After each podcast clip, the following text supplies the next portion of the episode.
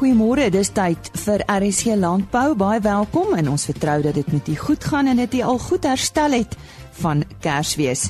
Ons uh, gesels ver oggend oor entrepreneurs en hoe sommige entrepreneurs suksesvol is. Baie min gesels met ons oor antibiotika en weerstand daarvan in die diereproduksiebedryf. En aan die einde van vandag se program herhaal ons onderhoud wat ons uh, in Oktober gehad het en dit is met die 2017 graanprodusent van die jaar en hy's daarvan die Bultfontein omgewing. Vir ons eerste onderhoud vanoggend sluit ons aan by Jenny Maas. Ons uh, gesels nou weer met uh, Pieter Du Plessis van Action Coach. En ons gaan met hom praat oor uh, die pad wat uh, entrepreneurs moet uh, bewandel om suksesvol te maak. Pieter, uh, hoekom is daar statisties so baie nuwe besighede wat binne 'n jaar toemaak en so min vir hulle wat wel oorleef?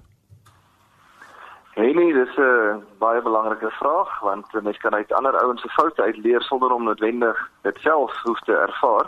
Daar's daar's verskeie redes vir dit as jy nou 'n tegniese analise wil doen, maar wat dikwels gebeur is is 'n is deel van die vraag Hoekom begin jy 'n eie besigheid? Baie ouens begin 'n eie besigheid want hulle is moeg om al die harde werk te doen en die baas maak al die geld of hulle kan in elk geval 'n baie beter job doen as die persoon vir wie hulle werk en dan uh, het hulle uh, goeie inspirasie van familie en vriende en dan besluit hulle om hulle eie besigheid te begin. Wanneer jy dan met 'n besigheid begin, weet jy nie altyd waarvoor jy jouself inlaat nie. Jy's wel tegnies goed met of jy nou 'n uh, professionele vaardigheid het of 'n tegniese vaardigheid het, jy's goed met dit, maar jy het nie noodwendig goed of besef eers wat behels besigheid in terme van bemarking en verkope en waar kom jou volgende kliënt vandaan? Hoe moet jy jou finansies bestuur? Waar hoe moet jy iemand aanstel? Daar's meer as net uh die goeie idee wat jy het om 'n besigheid te begin en uh, dis dikwels waarvoor die ouens nie voorberei is nie en wat dan dikwels binne 'n jaar gebeur is, het nie genoeg verkope nie so jy hardop uit kontant vloei uit. So tekort aan kontant is dan gewoonlik een van die hoofredes as ek dit net so opsommender wys kan beskryf. Kan jy ietsie meer sê oor elke fase van entrepreneurskap? Uh entrepreneurs het verskeie fases wat hulle moet deurgaan. Ons het hom net op 'n mooi manier verpak om dit betekenis te gee en uh, jy sal tipies begin as 'n student waar jy nou jou loopbaan, jy weet wat jy jouself toerus, dan begin jy as 'n werknemer gewoonlik vir 'n firma. Die doelwit van 'n tydperk van werknemer wees in ons oogpunt is dat jy moet kennis opbou of kapitaal opbou. Wanneer jy dan die groot stap neem, die volgende stap is uh, soos in Engels hulle dit mooi sê self-employed jy begin jou eie besigheid, maar jy's eintlik nog steeds 'n soort van werknemer want jy doen al die werk en die administrasie. Dit wil vir minder geld en langer ure, maar jy's ten minste nou jou eie baas. Van self-employed beweeg jy op na 'n bestuursrol in jou besigheid want jy besef jy kan nie self al die werk doen nie en jy moet iemand aanstel. Dis daai stadium van die besigheid wanneer jy mense bietjie moet begin bestuur en soms wens jy was weer op jou eie gewees. Maar van 'n bestuursrol af, wanneer die besigheid dan nou vir jou begin geld maak in jou span, dan sien ons dit as 'n besigheidseienaar want jy het 'n besigheid wat wat inkomste bring op sy eie. En van besigheidseienaar af beweeg jy na belegger die beleggersrol. Wanneer jy jou inkomste wat jy dan nou ekstra maak begin belê sodat jou geld vir jou begin geld maak passiewe inkomste. En wanneer jy goed gevestig is in hierdie fase volgens ons die definisie van entrepreneur is jy dan innoverend en kreatief op uh, groter maniere begin geld maak uh, op die top vlak van entrepreneurskap. En en wat sou jy sê is die belangrikste? Hey nee, ek dink uh, vir vir elke entrepreneur op sy reis na sukses is uh, die belangrikste fase waarin jy jouself kan bevind, uh, waarskynlik die volgende fase want uh, die volgende uitdagings wat jy moet oorkom om die volgende vlak van sukses te bereik vir jou is die volgende fase die belangrikste een. Maar as 'n mens een of twee moet uitsonder, dan dink ek vir baie individue is dit 'n groot stap om die sekuriteit van salaris te verlaat en uh, die groot stap te neem om uh, jouself in te laat om 'n besigheid te begin en nie te weet waar die volgende uh, salarisbetaling vandaan gaan kom nie. So ek sou sê een van die groot stappe is om daai dapper stap te neem om jou eie besigheid te begin. So mens moet die groeiproses en die en die fases verstaan, né? Nee? En nie dis dis sinvol om dit te verstaan want daar's twee uh dinamikas tot die verstaan van die fases. Daar's twee dinge wat gebeur. Jou besigheid gaan deur sekere veranderinge van een fase na die volgende. Dit is soos van 'n klein kind na tiener, na tiener na jong volwassene. Die besigheid het sekere stelsels en sekere dinamikas, maar saam met dit en nog meer belangrik, jy as eienaar van die besigheid moet deur 'n sekere mentaliteit of 'n mindset uh, gaan om die uitdagings te kan hanteer van een fase na die volgende. Waar jy byvoorbeeld een persoon moet bestuur, as jy skielik 10 mense moet bestuur, vat dit 'n ander tipe denkpatroon en metodologie. So hoe beter jy die fases verstaan, hoe meer voorbereid is jy en hoe meer bekend is jy dan met die omgewing en uh, jy word nie so onkant gevang as jy jouself skielik in 'n volgende fase van jou besigheid spontaan bevind nie. Nou in die boerdery is dit so half tradisioneel dat jy in 'n boerdery familie groot word en uh, natuurlik dan by die boerdery betrokke raak. So waaroor jy nou gepraat het, geld waarskynlik vir produsente ook, né? Nee? In die produsente of boerdery omgewing is daar definitief uh, baie van hierdie elemente reeds teenwoordig soos ek dit dalk in die begin genoem het. Uh, ons het dit net mooi verpak om dit 'n bietjie sin te gee, maar hierdie vlakke van besigheid of entrepreneurskap waardeur jy gaan is reeds spontaan in enige besigheidsomgewing. So my vraag sou wees uh, wanneer jy in 'n produsente boerdery omgewing is en jy kyk 'n bietjie van buite af in, wat is reeds in plek? Uh, of is daar dalk 'n bietjie van 'n plafon wat jy geslaan het in die besigheid of of in wie jy is as die die eienaar of die leier van die van die besigheid? En uh, want want in elke besigheid en met elke entrepreneur is daar altyd nog 'n vlak van groei, nog 'n vlak van geleenthede wat ontsluit kan word. So wanneer 'n mens net 'n bewustheid ontwikkel oor hierdie verskillende vlakke, is dit maak dit dikwels mense oë oop van van wat lê voor, waartoe kan ek die besigheid bou op die volgende seisoen of in die volgende jaar wat voorlê. En waar sou 'n mens tipies kan begin?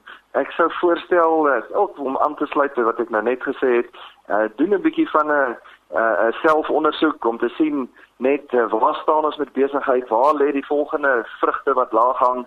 Uh, hoe kan ons vorentoe gaan in persoonlike ontwikkeling en dan die besigheid saam met ons vat met 'n ontwikkeling want uh, ek sou voorstel en sterk aanmoedig daar lê altyd nog 'n ronde van sukses van ondersoek van innovering voor en uh, vra net 'n bietjie vra buite jou boks om te ontdek waar lê die geleenthede naby jou om hulle te ontsluit of om te ondersoek. Ons sê baie dankie aan Pieter Du Plessis van Action Coach. Dankie nie. Die volgende onderhoud word aangebied met die komplemente van Biomin. En ek gesels met Albert van Rensburg oor antibiotika in die diereproduksiebedryf. Hoe en waar was weerstand teen antibiotika vir die eerste keer ontdek? Môre Lize, goeiemôre ook aan al die luisteraars. Ja, hierdie is 'n onderwerp wat baie bespreek word deesdae en die vraag is of ons in die veebedryf antibiotiese weerstand ehm um, uh, ontwikkel het of bygedra daartoe. Maar as mens teruggaan en gaan kyk, daar's in uh mammies van oor 1000 jaar oud het hulle bakterieë geïsoleer en getoets vir weerstand en gevind dat die weerstand reeds bestaan het 1000 jaar gelede. So dis 'n natuurlike proses waar uh, uh mikrobe maar self weerstand opbou en dis hulle manier van oorlewing.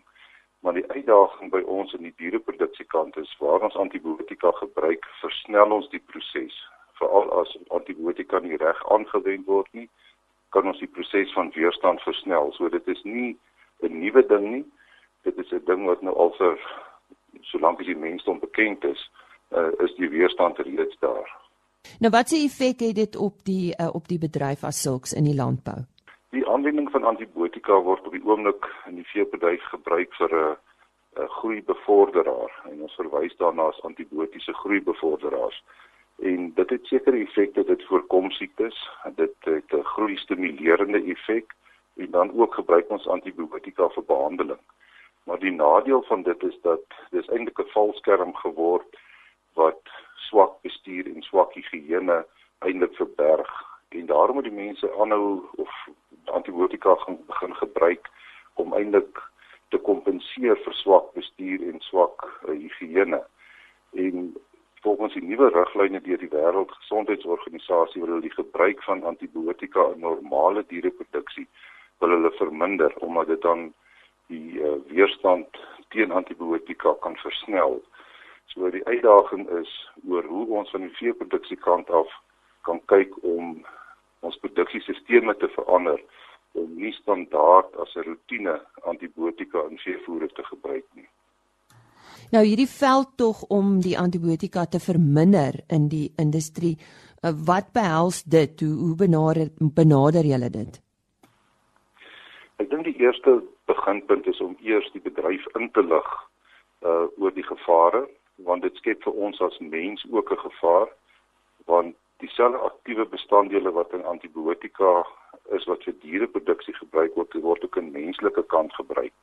En as ons die weerstand versnel, uh, kan ons die gevaar loop dat ons die antibiotika oneffektief maak ook vir menslike gebruik. So dis die eerste punt om te besef. Die tweede ding hoe ons dit doen is ons moet die produsent inlig hoe om reg te kom sonder antibiotika en daar's drie pilare wat baie belangrik is. Die een is bestuur moet aangepas word. Die tweede een is die biosekuriteit en dan ook te gaan kyk na inentingsprogramme.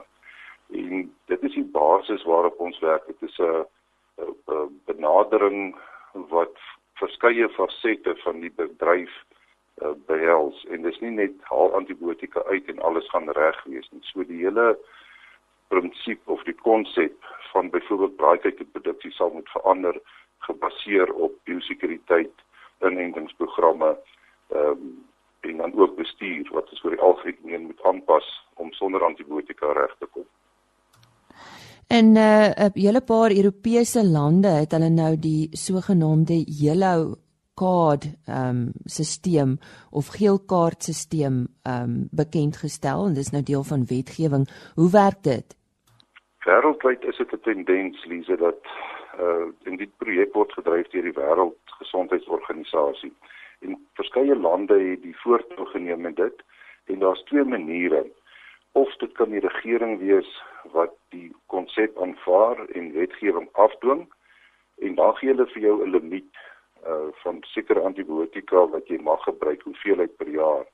As jy oor dit gaan, begin jy 'n geel kaart kry. En as jy aanhou met dit, gaan jy later 'n rooi kaart kry en dan kan die regering jou stop om enige antibiotika te gebruik. So dit is van dis van 'n bo af van die regering se kant af 'n ding wat gedruk word onder toe. Ons voorstel is dat die produsent begin besef dat dit is 'n wêreldtendens en dat ons eerder die produsent moet inlig en dat die produsent dit dryf boontoe na regeringsvlak toe want dan is daar 'n geleentheid want as die regering dit afdwing raak mense negatief en mense is nie voorberei om uh, hierdie pad te loop nie. Nou waar staan ons nou in hierdie hele proses? Volgens die inligting wat ek het, het ons eie departement van gesondheid uh dokumente, white papers soos die Engelse woord is opgestel uh ook in samewerking met die departement landbou wat hierdie aspek in Suid-Afrika gaan aanspreek. So ons verwag dat dit enige tyd gaan gebeur dat daar uh, van wetgewing se kant af gaan kom wat gaan sê ons moet antibiotika verminder, die gebruik daarvan verminder. Uh en ons weet nie presies wanneer dit gaan gebeur nie. So vir my is dit belangrik dat ons die bedryf inlig indien dit sal gebeur wat moet ons verander in ons bestuur, wat moet ons verander in voeding? En ons het baie lesse geleer in baie van die Europese lande en ons ons eie maatskappy is betrokke in baie van die lande. So in ons maatskappy het ons die ondervinding dan om ook ons plaaslike bedryf in te lig en leiding te gee sou dit gebeur dat daar wetgewing gepubliseer word om antibiotika vry te gaan. En dit was dan Albert van Rensburg van Biomin en hierdie onderhoud is aangebied met die komplemente van Biomin. Op Vrydag aand 13 Oktober is die Syngenta Graan SA graanprodusent van die jaar aangewys. Hy is AC van Wyk en uh, hy vertel ver oggend van sy boerdery. Ja, Warmhoek is in die Wes-Vrystaat. Ons is so ewe ver van Bultfontein, Hoopstad en Hertsgwil af of as jy dit bietjie weier vat, so in die middel tussen Bloemfontein en Welkom en Kimberley. Ons uh, my voorgeslagte het in 1841 die agterhoede van die groot trek gevorm en hulle het maar net begin boer in hierdie omgewing. En dit was 'n uh, eh, ja, dit was oop wêreld en ongetemde wêreld. Dit was so 30 jaar voor Bultfontein en Hoopstad se ontstaan en sedertdien het ons 'n lang en 'n mooi erfenis hier waarvoor ons baie dankbaar is. Daar was nog altyd 'n seun in die familie wat boer en so het ons dit volgehou tot nou toe. Nou ek hoor van kleintyd af is mielieplant deel van jou DNA. Maar waar het jy geleer? Wat, wat volgens jou is 'n verskil wat jy gemaak het? Wel, as ek vir Warren Buffett kan aanhaal, uh, daar's baie baie onderhoude natuurlik waar die mense by hom wil weet wat is sy resep vir sukses en wat moet jy doen om sukses in besigheid te bereik. En die eerste ding wat hy gewoonlik sê is find your passion. En ek dink ek is een van daai mense wat uh redelik van kleins af uh, seker was van wat ek wou doen. Ek wou altyd goed plant. En as daar 'n trekker drein was ek altyd gelukkig. Jy weet, ou was net net baie tevrede om om in hierdie bedryf te wees. Dan het dit in my geval saamgeval met uh met 'n opvoeding en 'n baie gebalanseerde omgewing waarin ek groot geword het wat 'n goeie sinergisme tot gevolg gehad het. Ek dink daar's baie mense in die wêreld wat wel hulle passie vind en weet wat hulle wil doen, maar hulle is op 'n verkeerde plek of 'n verkeerde tyd. Jy weet die omgewing is net nie so gunstig nie. In in my geval is ek baie dankbaar vir 'n omgewing wat hierdie passie gekomplementeer het en die ding kon net aangaan. Die plaas is slegs 'n mielieplaas, maar wat hou die toekoms in en waarom?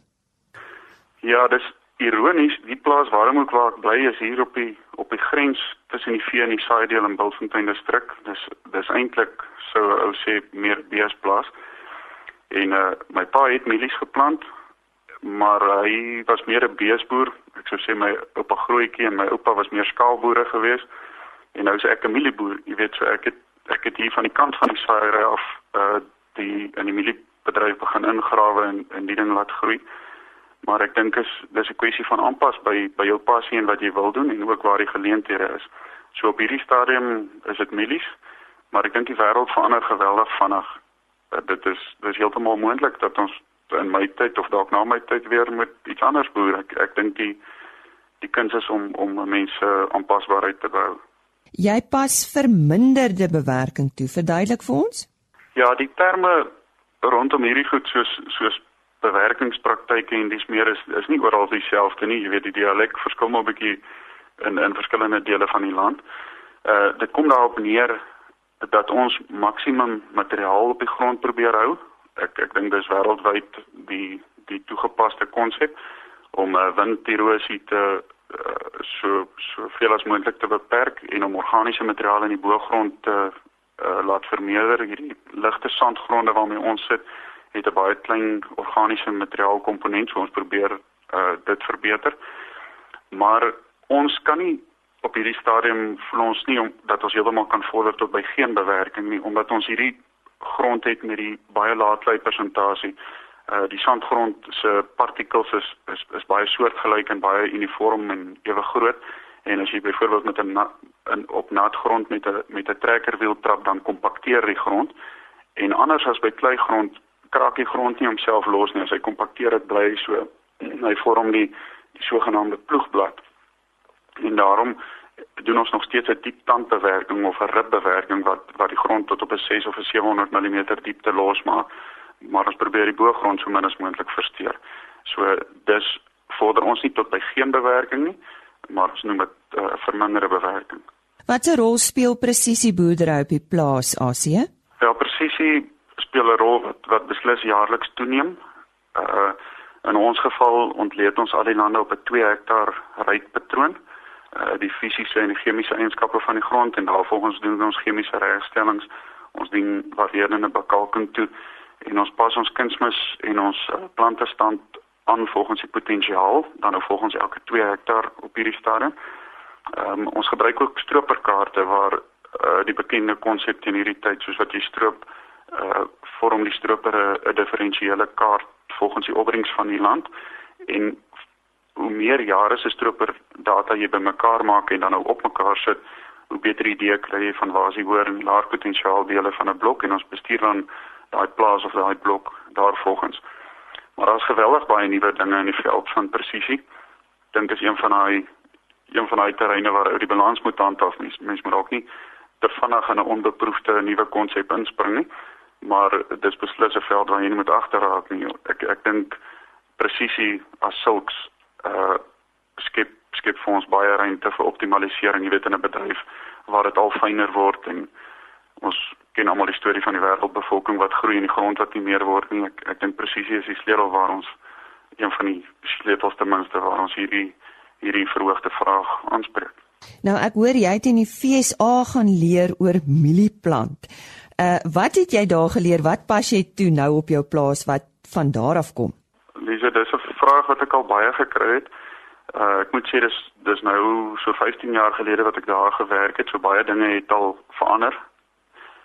En ek het wel van mielies geleer, maar dit is uh, oorwegend baie swaarder kleigronde waar ons gewerk het en uh die klimaat is ook baie anders. Hulle somers en winters verskil drasties van ons in. So ek ek dink in terme van praktyke uh, is daar groot verskille tussen ons en hulle. Wat ek sou uitsonder as as as dinge wat ek in die FSA geleer het is ek het dalk meer geleer van myself en van ander mense en ook ander mense as net die Afrikaner boere wat in my omgewing boer, jy weet, hou sien hoe hulle boere in ander dele van die wêreld hoe die hoe persoonlikhede reageer, hoe mense reageer en hoe die staat funksioneer en subsidies en in die breë hoe die wêreld en die ekonomie werk. Jy weet, ek dink daai blootstelling het ook het ook vir my uh spesifiek meer waarde gehad. Soos ons gesê het, dit is maar slegs 'n mielieplaas. So uh volg jy 'n wisselboustelsel enigsins? Nie op die oomblik nie. Ons het uh vir 'n hele klompie seker omtrent vir 11 jaar uh, was ons in 'n vaste rotasie waar ons 'n kwart van ons lande koring geplant het en 'n kwart dan laat oorlê. En dit het geweldige voordele vir beplanning gebied omdat dit so 'n rigiede rotasiestelsel was en bakalking op 'n sekere plek in die rotasie en die koring het groot voordele gehad die winter en somergewasse afwisseling vir die bestryding van onkruide en 'n uh, uh die beperking van windierosie terwyl jy tog steeds 'n Rusland stelsel het 'n uh, 'n baie lekker stelsel vanuit 'n agronomiese oogpunt gesien.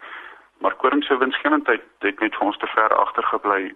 Uh ek self voel omdat mielies mielieopbrengste van die 80er jare af geweldig gestyg by ons waar koringopbrengste baie minder gestyg het.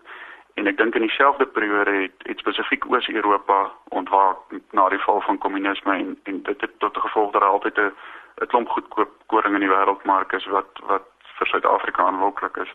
Ehm um, en daarom het ons hierdie hierdie uh, wisselboustelsel beëindig en dan die tweede rede is ons is 'n uh, deel van die wêreld waar ons myns insiens mielies volhoubaar as 'n monokultuur kan kan verbou. Uh, ons het een spesifieke plaas in die omgewing uh, waarop ons tans boer wat van my kleintyd af nog nog elke jaar mielies geplant is, nog nooit oorgelê het nie, nog nooit 'n ander gewas gehad het nie en ek het ek het al baie daarin gestap en ons het die data jaarlikse data en en daar is nie 'n opbrengsverlaging nie en met ons presisie benadering meet ons wat in die grond aangaan ondergrondversuuring en die, die eienskappe van die grond gaan nie agteruit nie. So op hierdie stadium is ons in al die opsigte tevrede met 'n monokultuur mieliestelsel. Dan net om jy af te sluit, ek lees verder dat arbeidsbestuur hoog op jou prioriteitslys is. AC, vertel ons daarvan? Ja. Uh skaal bring meer dat jy net nie meer alles self kan doen nie, soos ons ons tradisionele benadering maar op baie plase was nie.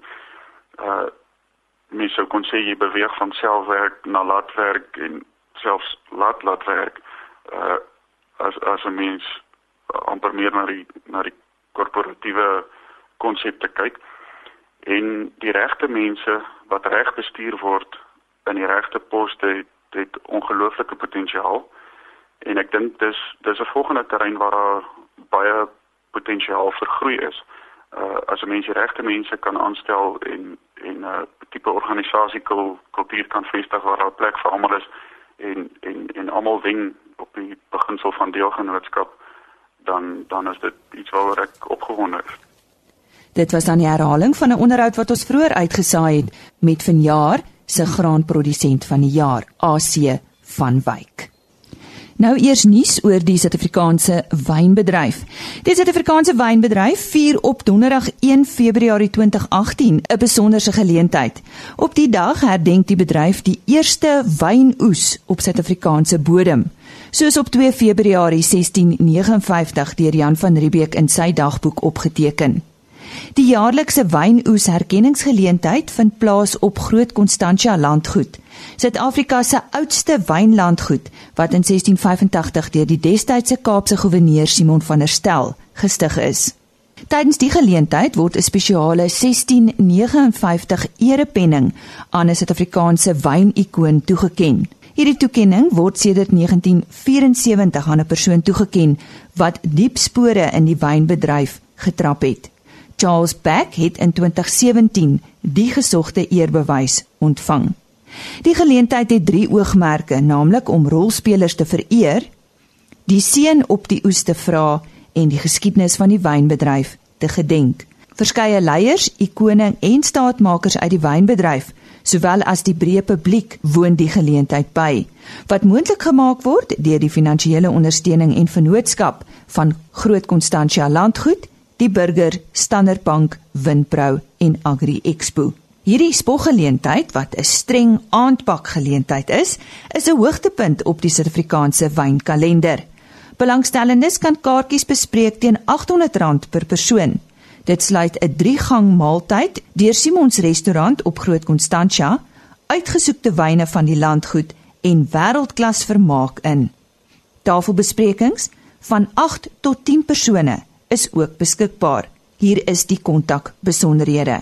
Kontak vir Razel Galant by 021 975 40 of u kan haar e-pos dit is razel r a z e l l e by agriexpo.co.za en dit is vir besprekings ek herhaal weer die besprekingsbesonderhede dit is razel galant by 021 975 40 of razel by agriexpo.co.za. Onthou indien enige van die onderhoude wat op RSC Landbou uitgesaai is misgeloop het, is welkom om die gewone RSC webtuiste www.rsg.co.za te besoek. Soek net onder potgooi vir RSC Landbou en al die programme word daar gelys. Alternatiefelik www.agriorbit.com en moenie die kom vergeet nie. Daar word die onderhoude apart gelaai en daar's ook baie ander landbounuus. Onthou môreoggend om 05:30 weer by ons aan te sluit vir onder andere weerwaarhede. Ons gesels weer oor konynboerdery. En nou dat die nuwe jaar net om die draai is, praat ons oor die belangrikheid van 'n goeie begroting. Totsiens. RSG Landbou is 'n produksie van Plaas Media. Produksieregisseur Henny Maas. Aanbieding Lisa Roberts. En inhoudskoördineerder Jolandi Root.